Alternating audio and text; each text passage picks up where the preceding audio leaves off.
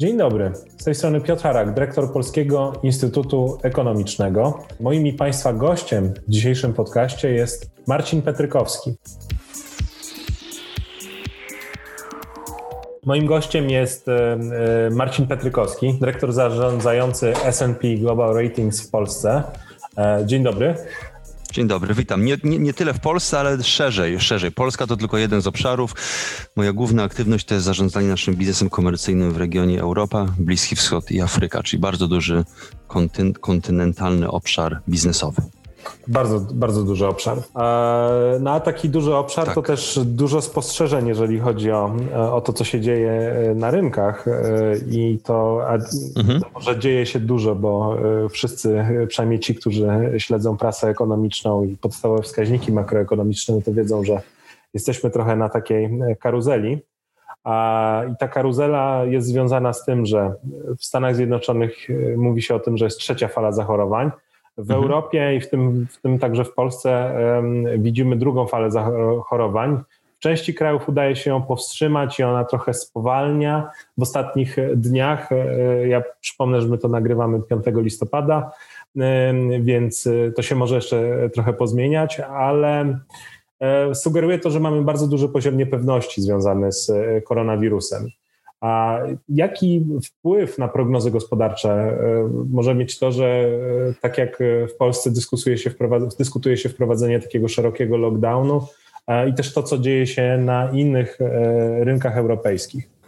Zdecydowanie poziom niepewności mamy bardzo wysoki i tutaj paradoksalnie nie tylko COVID jest jego przyczyną. COVID jest tym największym silnikiem powodującym niepewność. Pamiętajmy, że Dokładnie nagrywamy to w dniu 5 listopada, czyli w dniu, kiedy następuje ostatecz, ostatnie, ostateczne zliczenie głosów w wyborach amerykańskich, które, nie oszukujmy się, ich wynik będzie miał duży wpływ na sytuację społeczno-ekonomiczno-polityczną na świecie globalnie. No i jeszcze mamy Brexit. Do końca roku zostało jeszcze trochę tygodni, natomiast nie widać, ażeby Brexit się klarował w takiej sytuacji, w, w, takim, w takim rozwiązaniu w pełni, w pełni, nazwijmy to, korzystnym dla handlu międzynarodowego. Więc to też jest takie trzecie ryzyko, na które trzeba zwracać uwagę. Natomiast oczywiście COVID jest tutaj głównym głównym ryzykiem i głównym, głównym problemem, można powiedzieć, wyzwaniem dla świata. Powodów jest, jest tego kilka. No przede wszystkim to ogromne obciążenie gospodarek y, lockdownami. Lockdownami, które no, na początku roku były, pojawiły się bardzo mocno E, spowodowało obniżenie wzrostów i aktywności gospodarczej, szeroko rozumianej e, aktywności gospodarczej na świecie w bardzo demokratyczny sposób, bo, ten, bo, bo, ten, bo to zjawisko dotknęło no, większość, jak nie wszystkie duże, duże, ale też i mniejsze gospodarki światowe. E, mieliśmy trzeci kwartał, który był kwartałem dobrym, zaskakująco dobrym, czyli po tym, po tym doświadczeniu tej, tej najpoważniejszej recesji od czasów II wojny światowej, większej niż kryzys finansowy, mieliśmy mocne odbicie aktywności gospodarczej, szczególnie w strefie euro, ale też w Stanach. No Chiny, bardzo dobry wynik gospodarki chińskiej. E, no i teraz dalsze pytanie, co, jaki jest kolejny krok? Tak, użył Pan sformułowania, jesteśmy na karuzeli. Ja bym powiedział, że chyba nie jesteśmy na karuzeli, jesteśmy bardziej w takim momencie, że doszliśmy szliśmy bardzo długo w górę, podeszliśmy trochę, trochę, udało nam się trochę wyjść z tego, z tego, z tego, z tego dołu, w którym byliśmy, no i teraz trochę stoimy nad takim klifem, obserwując, czy się uda utworzyć spado, spadochron, czy też jednak będziemy znowu musieli pospadać, spadać troszkę mocno, mocno w dół. Pamiętajmy, że te perspektywy na tą chwilę dalej są słabe, znaczy słabe, no, no są dalej, to jest duże wyzwanie, tak, no, przewidujemy, że spadek globalnego produktu krajowego brutto to będzie około 4% w tym roku. Dla strefy euro ten wynik jest jeszcze wyższy, bo to jest minus 7, minus 7,4%. Więc to obciążenie jest duże. E, konsekwencje no, w naturalny sposób, tak, widzimy zwiększające się zadłużenie krajów, które no, de facto były i są polityka fiskalna i w ogóle przyjęte działania z, i, i, z poziomu banków centralnych, i z poziomu lokalnych, e, lokalnych polityk to one de facto spowodowały, że ten trzeci kwartał był taki mocny, że to odbicie widzieliśmy, tak? To, to, to nie oszukujmy się tutaj. Jeszcze nie mamy sytuacji, że popyt prywatny się odbił. To dalej wszystko jest napędzane popytem y, publicznym, a tak naprawdę płynnością publiczną, która jest redystrybuowana do uczestników, do aktorów rynkowych. Y, no i na razie jest to trend, który, w którym pozostaniemy, mm, bowiem, bowiem w tej sytuacji no, trochę nie mamy innych narzędzi i trzeba przeczekać, trzeba przeczekać y, do momentu, w którym właśnie ten popyt publiczny się odbuduje, z powrotem powróci i dopiero w tym momencie powoli, powoli powinno nastąpić wycofanie e, i rozpoczęcie przez rządy programu równoważenia budżetów. Na to chwilę jeszcze jest na to za wcześnie, jeszcze za dużo wyzwań. No i tak jak powiedzieliśmy, jest duża niepewność związana z tym, że nie wiemy jeszcze do końca, jak szeroki zakres będzie tej drugiej fali lockdownów. Na razie wydaje się, że to będzie bardziej sektorowo, bardziej um, selektywnie, no natomiast no, no, sytuacja zmienia się bardzo dynamicznie. Już w tym mamy też dobry tydzień, bo już, znaczy dobry, dobry z punktu widzenia pokazania tego zjawiska. Od dzisiaj Anglicy przechodzą na de facto lockdown gospodarczy z pewnymi wyjątkami. Francuzi już przeszli, Niemcy też w dużym stopniu. W Hiszpanii już jest zakaz e, przemieszczania się pomiędzy regionami, więc widzimy, że, że no te, te kolejne tygodnie będą trudne, no co tylko dodatkowo potęguje tą niepewność, od której na początku tego pytania wyszliśmy. Wspomniał Pan o tych wydatkach, o mhm. płynności, która była zapewniona przez e, sektor publiczny e, i redystrybuowana e, wśród przedsiębiorstw i także potem przez, wśród pracowników. Czy jak no, organizacja, która jednak mierzy jakość zadłużenia, możliwość spłacania długu, jak wy patrzycie na to, co się dzieje z tymi deficytami i zadłużeniem państw? To dobre pytanie. No to jest pytanie bardzo aktualne na tą chwilę. No, tak jak powiedziałem, dzisiaj bezapelacyjnie to, to, to, to rządy, to, to, to, to, to, to uczestnicy tego rynku właśnie e, no nazwijmy to rządowo-publicznego, e, no wykonują te ciężkie, te, podnoszą te ciężkie, e, te, to, to, to duże wyzwanie dostarczając płynności dla rynku, ale nie tylko płynności, bo też bezpośredniego wsparcia dla przedsiębiorców, ale też dla konsumentów. Czyli to de facto tutaj skupiła się ta, ta soczewka, ten, ten, ten, ten, ta siła napędowa e, w w ogóle no, niespotykanym dotychczas zakresie. No my na tą chwilę patrzymy i nasza prognoza wskazuje, że ten poziom długu do produktu krajowego brutto globalnie wzrośnie do około 97% na koniec tego roku, e, z czego dwie trzecie tego, tego, tego długu będzie skoncentrowane w ramach krajów G7. Tak, to też pokazuje, że to de facto te, te największe gospodarki najmocniej odpowiedziały. No przede wszystkim dlatego, że one miały największy bufor, siłę, y, no i potencjał, ale też taką monetarną elastyczność, żeby te programy móc uruchomić. Więc zdecydowanie przechodzimy do, my jako agencja ratingowa mówimy, zakładamy, że kolejne dwa lata to są lata, gdzie będą podwyższone poziomy zadłużenia krajów. No, dlaczego możemy trochę o tym porozmawiać, tak? Mówiliśmy o tym dostarczeniu płynności, mówiliśmy o tym, że to przede wszystkim wśród tych najlepiej rejtowanych, dużych krajów globalnych to się dokonało i jakby w naturalny sposób powinno trwać dalej, bowiem jednym z dużych ryzyk jest potencjalne wstrzymanie tego wsparcia. Mówiłem już o tym, bez odbicia popytu prywatnego ciężko jest wycofywać ten, to, to wsparcie publiczne i jak my patrzymy na, na takie ryzyka długoterminowe, to jest to zdecydowanie ryzyko, na które zwracamy uwagę.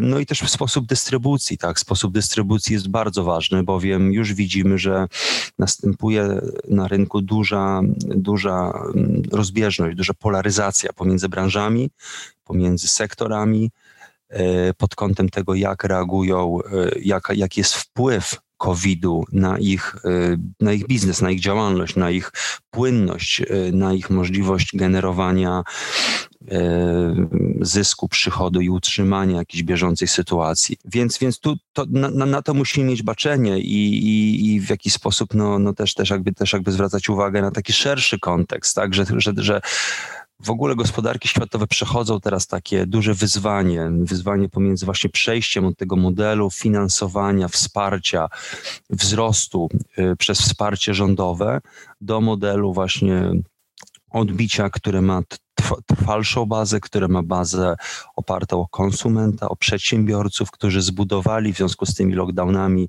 pewne, podwóż, pewne poduszki, dosyć znaczne poduszki płynnościowe.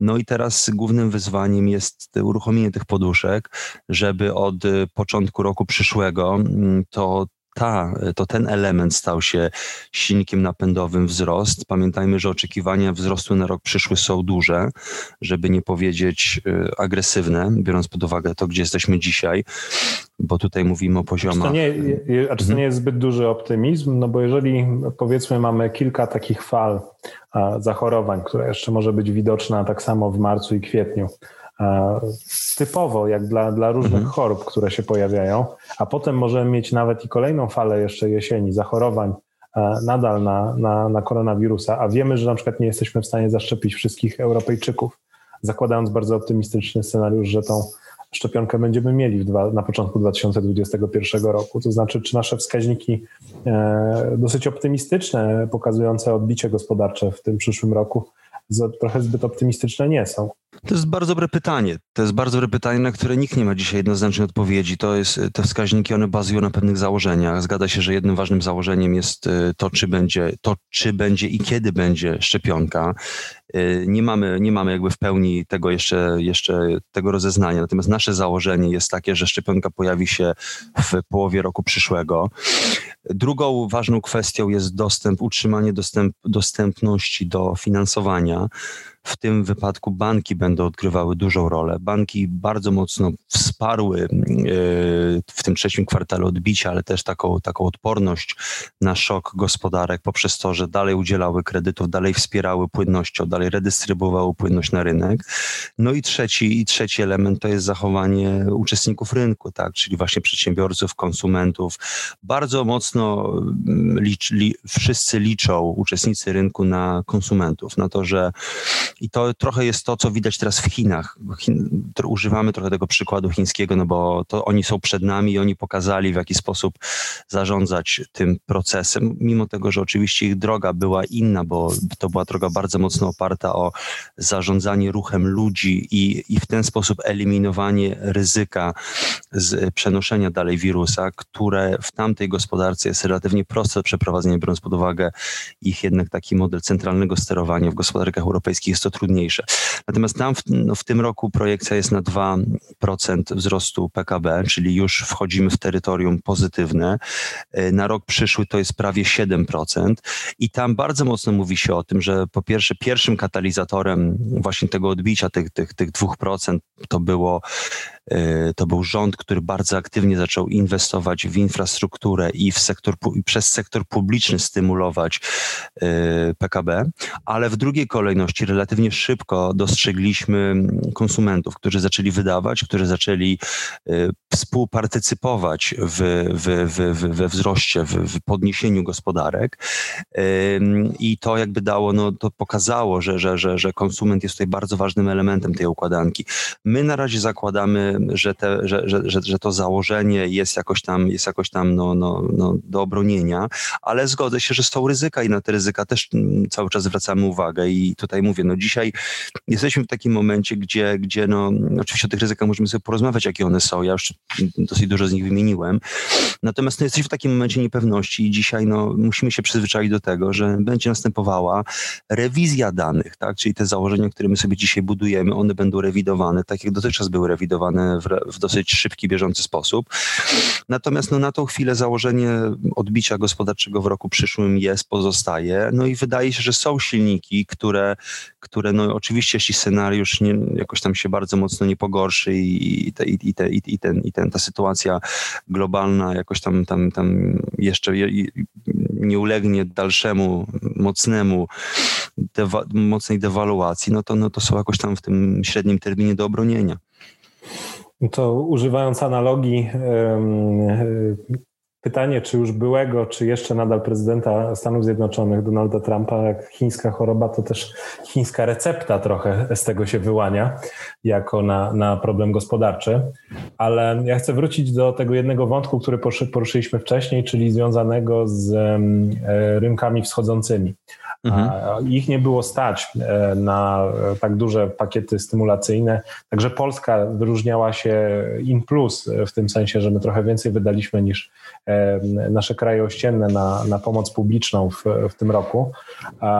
Pytanie, czy też w innych regionach, e, nie tylko mówię o Europie, ale te, te kraje, które są rynkami wschodzącymi, bardziej nie ucierpią na tej drugiej fali zachorowań w momencie, w którym realnie już nawet na tą minimalną pomoc publiczną, którą wydały, e, ich nie będzie stać. Jak to, się, jak to widać w Waszych przynajmniej prognozach? Mhm, to jest słuszne założenie. Może skomentujmy ten, ten, ten temat Polski. Zgadza się. Odpowiedź fiskalna Polski, która jest na poziomie tam około 6,5% PKB, to był jeden z wyższych, jeśli nie najwyższy poziom dla regionu Europy Środkowo-Wschodniej.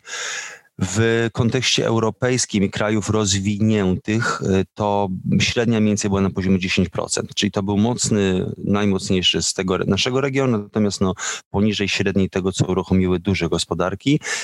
I, na, I zdecydowanie było to mniej niż gospodarki takie typowe z tego koszyka mm, krajów rozwijających się, no, gdzie po prostu ta poduszka była mniejsza.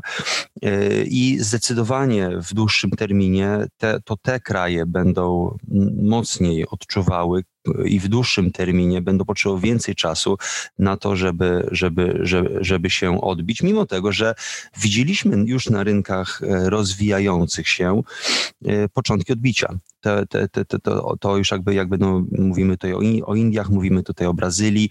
Tam też w tym trzecim kwartale widać było, że te gospodarki zaczęły ponownie nabierać jakiegoś tam, może nie impetu, to za mocne słowo, ale, ale, no, ale znowu jakby tam, tam od odbicia. Znowu konsumenci bardzo mocno kontrybuowali, ale też to, że, że handel międzynarodowy się aż tak bardzo nie załamał, jak się wszyscy tego spodziewali. E, no i tutaj jakby, no mówię, no idąc dalej, na, na pewno tym krajom będzie ciężej. Możemy oczywiście przejść jakoś tam mm, szerzej przez te, przez te kraje, no bo to generalnie też to jest trochę funkcja. Pytanie dotyczyło też tego, jak my na to patrzymy jako agencja ratingowa. No ja mogę powiedzieć, że dzisiaj patrząc na, na, na, na portfel tych e, krajów, które są rejtowane przez S&P, no to kraje, które mają negatywną perspektywę e, z tego regionu, tych, tych rynków rozwijających się, e, to na, na tą chwilę aż tak bardzo dużo ich nie ma. No, nie wiem, w regionie IMIA no to kraje, które mają negatywną perspektywę, to jest Hiszpania na przykład. To jest, to jest rynek dojrzały, ale wiemy, że Hiszpania bardzo mocno odczuła. Pamiętajmy też, że perspektywa nie dotyczy tylko, tylko i y, COVID-u, ale tam też, też mogą być inne, inne, inne uwarunkowania. Y, natomiast no, no, y, tak z takich krajów, które my znamy, no to z naszego regionu Rumunia, Słowacja, która ma mocny rating, też ma, też ma, te, te, też, ma te, też jest na tym credit watch negative, czyli ma, czyli ma jakiś tam moment tak, takiej rewizji. I w ogóle nie tylko w, kontekście krajów, ale sz, szeroko rozumianego portfela rejtowanych podmiotów, y, bardzo mocno zwiększyła się ilość y, podmiotów, które zostały zaklasyfikowane na w perspektywie negatywnej, tak? Czyli ewidentnie widzimy, że następuje obniżenie wiarygodności kredytowej, które na razie jeszcze nie przykłada się tak mocno na obniżenia ratingów, ale jest już widoczne, że, że są sygnały sygnalizowane, że to, że to pogorszenie wiarygodności, szczególnie dla emitentów o niższych ratingach, tak? Czyli znowu wracamy do tych krajów rozwijających się, to one zwykle mają niższe ratingi, presja na nich jest większa, ich poduszki są mniejsze, to są narody, które nie mają zgromadzonych oszczędności, gdzie, czyli możliwość odbicia poprzez i konsumenta, i sektor prywatny jest bardziej ograniczony i to one zdecydowanie będą, będą w dłuższym terminie bardziej boleć. To jest taki kryzys, który no po raz kolejny pokazuje yy, i to widać, teraz trochę abstrahuję od tego spojrzenia na kraje, ale on pokazuje taką starą maksymę, że niestety w czasie kryzysu, niestety, niestety, bogatsi stają się bardziej bogaci, a biedni, biedniejsi stają się bardziej biedni, no bo, no bo ta polaryzacja w jakiś sposób się zwiększa i to chyba jest takie, taka, taka, takie no podsumowanie, które trochę oddaje istotę tego, co się dzieje na, na rynkach, też co, co się dzieje na rynkach właśnie, właśnie, właśnie tych, tych emerging. Oby, obyśmy my byli w tej klasie wyższej, średniej. Zdecydowanie. No na razie perspektywy dla Polski są takie złe, tak, no znowu wszystko, wszystko trzeba brać w kontekście relatywnym, natomiast no, patrzymy na rok, na rok przyszły, no to, no to, no to ten, ten, ten, ten poziom odbicia E, powyżej, powyżej tam, tam, tam 3-4%, no on jest jakoś w scenariuszu, e, takie założenia się pojawiają, no i bądźmy dobrej myśli, że to się uda utrzymać. No i jakby i, i, i, mówię, i będzie to, i będzie to długoterminowe i, i, przede wszystkim nie zostanie zachwiane poprzez te, że, poprzez te wydarzenia, które jeszcze mogą mm, się pojawić, a których dzisiaj nie znamy. Mówię tutaj o pełnym lockdownie, mówię tutaj o wydłużeniu tego terminu i mówię, mówię tam o, o potencjalnej dalszej presji, która się może pojawić i z sektora bankowego, i z sektora właśnie publicznego. No i też o jakichś ewentualnych zjawiskach pozytywnych, bo zakładam, Oczywiście. że pewnie też jest ileś działań, których pewnie rządy, i to nie tylko w Polsce, pewnie jeszcze nie zapowiedziały, a które pewnie będą implementować od przyszłego no tak, roku. chociaż pamię- ma pan rację, ale pamiętajmy, że narzędzi już jest trochę, już jest trochę mało narzędzi, tak? No jakby no, no, no pytanie... No, zakładając ścieżkę odbicia, tak? No mówię o inwestycjach. No zakładając ścieżkę odbicia, tak. Zakładając ścieżkę odbicia, ale mówię, no, narzę- znaczy, no to co wiemy, wiemy na pewno to, że na tą chwilę nie spodziewamy się wzrostu stóp procentowych, czyli, czyli, czyli Europejski Bank Centralny najprawdopodobniej do przyszłego roku nie będzie ruszał stóp procentowych. To będzie, to będzie wspomagało, to będzie pomagało. E, wiemy, jest ważna jedna inicjatywa, o której musimy powiedzieć, która dla Polski też ma przełożenie. To jest ten fundusz Next Generation Fund, który został już ogłoszony, czyli ten, ten Recovery Fund, fundusz odbicia, e, już zapowiedziany przez Unię Europejską, czyli, czyli program wsparcia szeroko rozumianego właśnie, właśnie odbudowy gospodarek europejskich. Y, no i tam są dwa, dwa, dwie, dwie ważne kwestie. Właśnie kwestia mm, odporności, czyli budowy odporności gospodarek poprzez właśnie inwestowanie w gospodarkę cyfrową, poprzez, poprzez zieloną energię, y, poprzez działania, które właśnie wspierają zrównoważony rozwój. Czyli to jest 750, 750 miliardów euro. I z tego pamiętajmy, że oprócz ponad te już zapewnione Polsce fundusze strukturalne oraz fundusze spójności, które przypominam dla Polski, to one odpowiadają za około 5, prawie połowę wzrostu produktu krajowego brutto tak, dotychczas historycznie, to jeszcze no, mamy szansę dużą na to, że z tego funduszu Recovery Fund wsparcie na poziomie dodatkowego 3% PKB rocznie będzie trafiało do Polski w latach od 2021 do 2027. No co dalej powinno przyczynić się do przyspieszenia wzrostu PKB Polski, szczególnie, że akurat na, na tym polu Polska ma dobre wskaźniki, y, mówię tutaj o wskaźnikach absorpcji środków unijnych, które w Polsce są wysokie. No, czyli są pewne takie stymulatory, o których już wiemy, które jeszcze się nie pojawiły, które są nie tylko lokalne, ale bardziej wspólnotowe, których Polska będzie jeszcze beneficjentem. Dlatego bardzo ważne jest e, dalsze konsekwentne mm, kontynuowanie w tych, w tych, w tych narzędziach, które zostały uruchomione, dbanie i chuchanie właśnie na ten sektor prywatny, na przedsiębiorców i na konsumentów, żeby mimo obostrzeń i mimo mm, trudnej sytuacji, jaka, jaka, jaka ma miejsce na rynku i przede wszystkim od strony zdrowotnej, no, utrzymać jakąś aktywność gospodarczą. Dzisiaj większość krajów na świecie, i to warto powiedzieć, ma bardzo duży dylemat pomiędzy dwoma kwestiami. Jedna właśnie, jedna to jest kwestia nie, żeby, żeby nie otworzyć się za wcześnie, po, dlatego, bo grozi to mm, systemem, zatkaniem systemu medycznego w konsekwencji mm, zdrowotnym, wpływem na społeczeństwo, tak, ale na drugą rękę no, dalszego utrzymywania, stymulowania gospodarki, tak żebyśmy znowu nie, nie, nie wpadli w taki pełen, pełen hamulec ręczny, który zupełnie wstrzyma działalność. I to jest trudny dylemat, to jest trudny dylemat, tak? I, I każdy kraj będzie go rozwiązywał inaczej. Natomiast na pewno równowaga pomiędzy tymi dwoma parametrami jest fundamentalna do tego, żebyśmy mogli mówić o tych założeniach pozytywnego odbicia na rok przyszły. Czyli to trochę wracam do tego pańskiego poprzedniego pytania.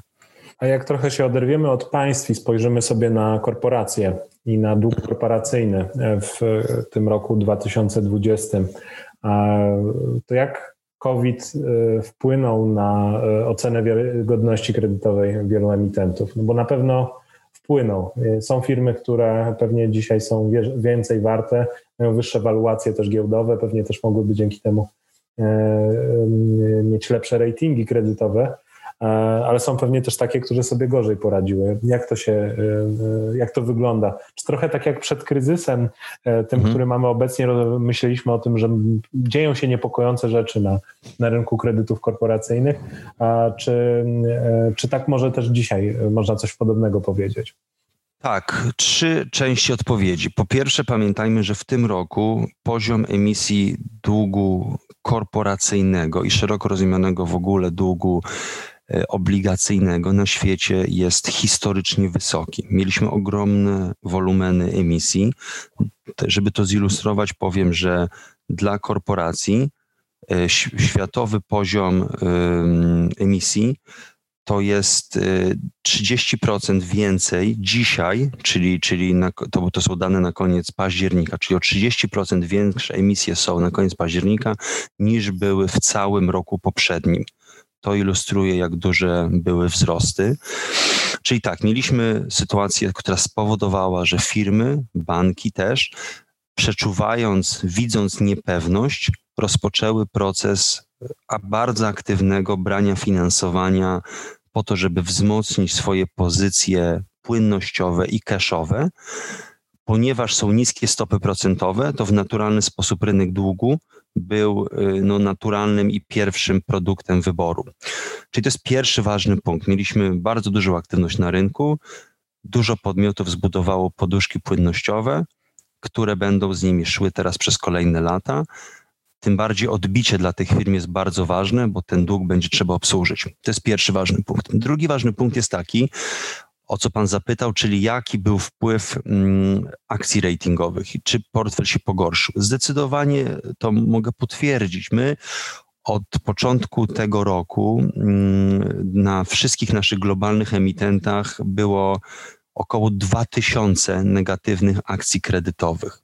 I z tego, tak żeby znowu ilustrować, to około 1000 to była zmiana ratingu w dół, czyli tak zwany downgrade, obniżenie ratingu około 900 to było zmiana perspektywy na negatywną i około 130 to było umieszczenie emitenta na tak zwanym credit watch, czyli takiej obserwacji przed podjęciem jakiejś, jakiejś decyzji. E, no, czyli, czyli ten portfel zdecydowanie został, został, został poszedł w dół.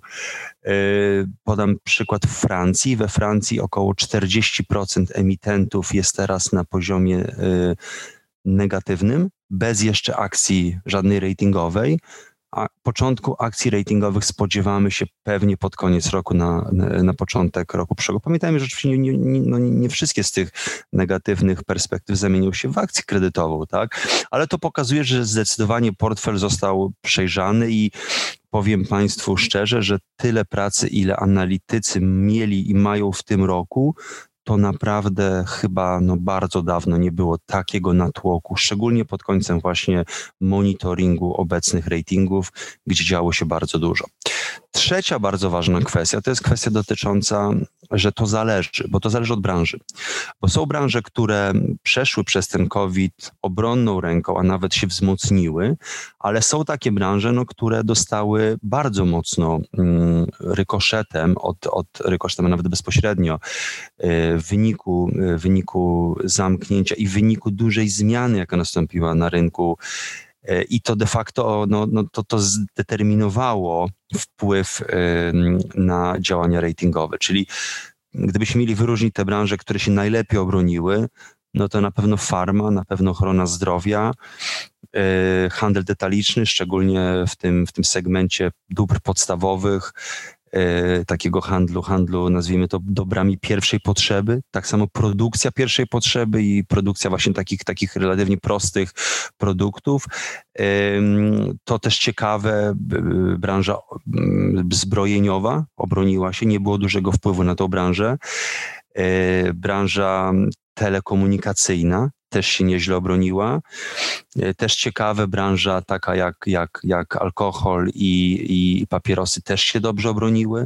Czy jak patrzymy na impact tutaj po stronie COVID-u, nie było za dużo, nie było za dużego wpływu, a wręcz, a wręcz te branże się, się, się, się dobrze obroniły. Potem idąc na taką średnią, nazwijmy to średnią półkę, czyli, czyli tam lekki wpływ na e, zmiana, zmiana przychodów na poziomie 5-10%, EBITDA spadająca od powiedzmy 5 do 15%, 10%, no i podwyższone w związku z tym potrzeby, potrzeby pożyczania.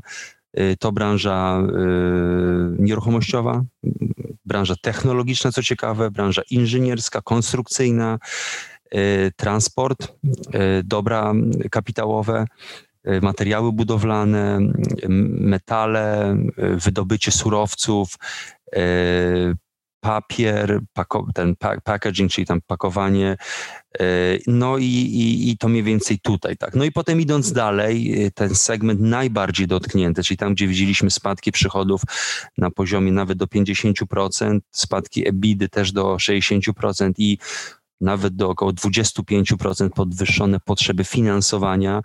To na pewno branża samochodowa, szeroko rozumiana automotive bardzo mocno odczuł spadek popytu globalnego. Branża produktów luksusowych e, mocno to odczuła. No, dobrym przykładem jest ta transakcja LVMH i Tiffany, które jak wiemy no, wygląda na to, że, że, jest próba jej wycofania, bo tak mocno zmieniła się, zmienił się model tej branży, że, że założenia, na których wtedy była wyceniana spółka Tiffany są po prostu w tym terminie nie do obronienia. E, ropa, e, bardzo mocno pospadało zużycie ropy, w związku z tym też spadło wydobycie, ceny ropy i tak dalej, i tak dalej. E, media, też bardzo ciekawe, ale, ale branża medialna i branża rozrywkowa bardzo mocno odczuła to, nie, nie wspomnę o operatorach kinowych, ale nawet operatorzy telewizji też mocno to odczuli. No, nie, no wiadomo, tak, branża turystyczna, branża hotelarska, branża E, lotnicza, te, te cruzy stat, statkami i tak dalej, no to są, to są, to są bardzo mocno, to są branże, które bardzo mocno, więc, więc znowu, no w każdym z tym segmencie wpływ był inny, no ale też konsekwencji, w którym z tych segmentów dany podmiot się znajduje, tym bardziej odczuwa i tym bardziej nasi analitycy musieli reagować, w związku z tym, że po prostu płynność tych spółek się pogarsza. No i teraz pytanie o przyszłość, teraz pytanie, pytanie no na ile te branże, szczególnie te z tego segmentu trzeciego, czyli tego najbardziej, który najmocniej to odczuł, no na ile one w tym dłuższym terminie będą w stanie się podnieść z, tego, z tych problemów, no, które, które, które COVID, które zamknięcie gospodarek przyniosło im. Czy to oznacza, że część z tych sektorów, takich, które mają e, po pierwsze teraz niski rating, e, będą musiały przejść jakąś e, diametralną restrukturyzację? No bo zakładamy, że no może za kilka lat znowu będziemy pływać cruzami po, po Morzu Śródziemnym i Karaibach. Więc pytanie, czy, czy y, po prostu będziemy czekali na ten survival of the fittest, tych naj, najbardziej dostosowanych y, przedsiębiorstw, które mają największą y, kapitał, ale no trochę jest niezawinione przez nich to, że one w tym momencie tracą płynność. Zgadza się, jest to, jest, to, jest to niezawinione przez nich, ale jest to zawinione przez właśnie tą demokratyzację tego kryzysu, który dotknął wszystkich, we wszystkich, no, we wszystkich, we wszystkich geografiach, across wszystkie grupy y, demograficzne. Natomiast tak, no odpowiedzi pewnie są jakieś tam takie trzy kluczowe. Po pierwsze, y, pamiętajmy, że transformacja tak, ale nie każdą branżę można transformować, no bo branży lotniczej ciężko jest branżę lotniczą transformować. No, latamy samolotami, przywozimy pasażerów z A do B. Ciężko jest nam nagle zrobić pivota, że będziemy zajmować się technologią. No, Więc... Część producentów e, części do samolotów może się zajmować energetyką. Może, zgadza się. Albo, albo teraz mieliśmy przykłady firm, firm e, przemysłowych, które na przykład zaczęły produkować maski, na przykład zaczęły produkować urządzenia medyczne. Zgadza się. E, więc tak, więc są branże, które, dla których transformacja będzie możliwa i te, i, te, i, I tutaj jest jakby bardzo duża potrzeba z punktu widzenia kadr zarządzających, że po pierwsze to zrozumiały, po drugie nie zaklinały rzeczywistości starej, a patrzyły na rzeczywistość nową i po to dopasowywały zarówno strategię, jak i modele zarządzania. Są takie branże w, w tym trzecim segmencie, o którym rozmawialiśmy, którym jest ciężej się transformować i to będzie bardziej przeczekanie, czyli ograniczenie kosztów, ograniczenie działalności, przeczekanie do momentu, aż te, ta aktywność, w której oni są, w której oni, oni działają, ona, ona powróci na rynek. Podaję tu przykład biznesu kinowego, gdzie kina teraz był taki przykład, że, że, że jeden z dużych operatorów brytyjskich zamy, y, ucieszył się, paradoksalnie ucieszył się z tego, że Wielka Brytania zamyka kina, mówiąc, że to z punktu widzenia przeczekania jest tańsze dla niego niż utrzymywanie kina wtedy, kiedy mogą do niego przyjść tylko, może do niego przyjść tylko 30% danej sali może być wypełnione. Więc takie modele przeczekania, ograniczenia, zeskalowania się w dół, y, to jest, to, jest, to, jest, to jest drugi model. A trzeci model to jest ten model, o którym pan wspomniał, to jest model no, agresywnego wzrostu i wykorzystania tego, na, na przetrwanie tych największych. Już widzimy konsolidację w niektórych branżach, właśnie w tych dotkniętych, czyli ci, którzy przez lata zbudowali poduszki, e, wykorzystują je teraz na to, żeby przejmować tych mniejszych, którzy popadli w tarapaty. Są, e, pamiętajmy, że żyjemy na, na rynku, który ma bardzo dużą płynność, bardzo dużą nadpłynność, czyli jest, a jednocześnie niskie stopy procentowe, czyli fundusze takie na przykład jak private equity, takie jak na przykład fundusze infrastrukturalne szukają inwestycji długoterminowych, które mogą im dostarczyć ponadprzeciętnego zwrotu. I widzę taki scenariusz, gdzie będziemy obserwować tego typu podmioty wchodzące w takie, takie distressed branże po to, żeby tam do dokapitalizować spółki, wokół nich budować strategię konsolidacyjną, wokół nich budować strategię na przykład cyfryzacyjną, na przykład optymalizację kosztową, po to, żeby przygotować je już ze zwiększoną skalą do momentu, kiedy rynek wróci, bo nie oszukujmy się, rynek wróci. To jest tylko kwestia, nie kwestia czy, tylko kiedy i jak szybko uda się od razu odpalić pełne silniki, bo tu jest duża też obawa, tak? To, że kiedyś wrócimy, to jest pewne, tylko pytanie, jak, jak, ile zajmie nam droga do tego, żeby dojść do pełnego otwarcia, pełnego, pełnej restymulacji gospodarki. Ja mogę sobie wyobrazić, że teraz pojawi się, a to już nawet obserwuję, obserwuję poprzez właśnie działalność private equity na rynkach europejskich, że, że w tym kierunku będzie szedł rynek, no co spowoduje, że dużo z tych spółek no, w naturalny sposób pod ręką takiego właśnie private equity przejdzie transformację, ale mówię, no to, to, to, jest, to jest takie przygotowanie, według mnie to będzie przygotowanie na, na, no, na, na, na, na ten moment, kiedy gospodarki wrócą i wtedy uważam, że będziemy widzieli przetasowanie na rynku, czyli, czyli pewne branże nie będą już takie same i siły konkurencyjne nie będą takie same jak przed COVID-em. Bardzo ciekawe. To przeszliśmy od COVID-u przez dług, dług korporacyjny do restrukturyzacji całych sektorów gospodarki. Mhm. Wydaje mi się, że to bardzo ciekawa rozmowa. Mam nadzieję, że mhm. też słuchacze e, docenią. E, dziękuję bardzo. Również bardzo dziękuję panu i bardzo dziękuję państwu.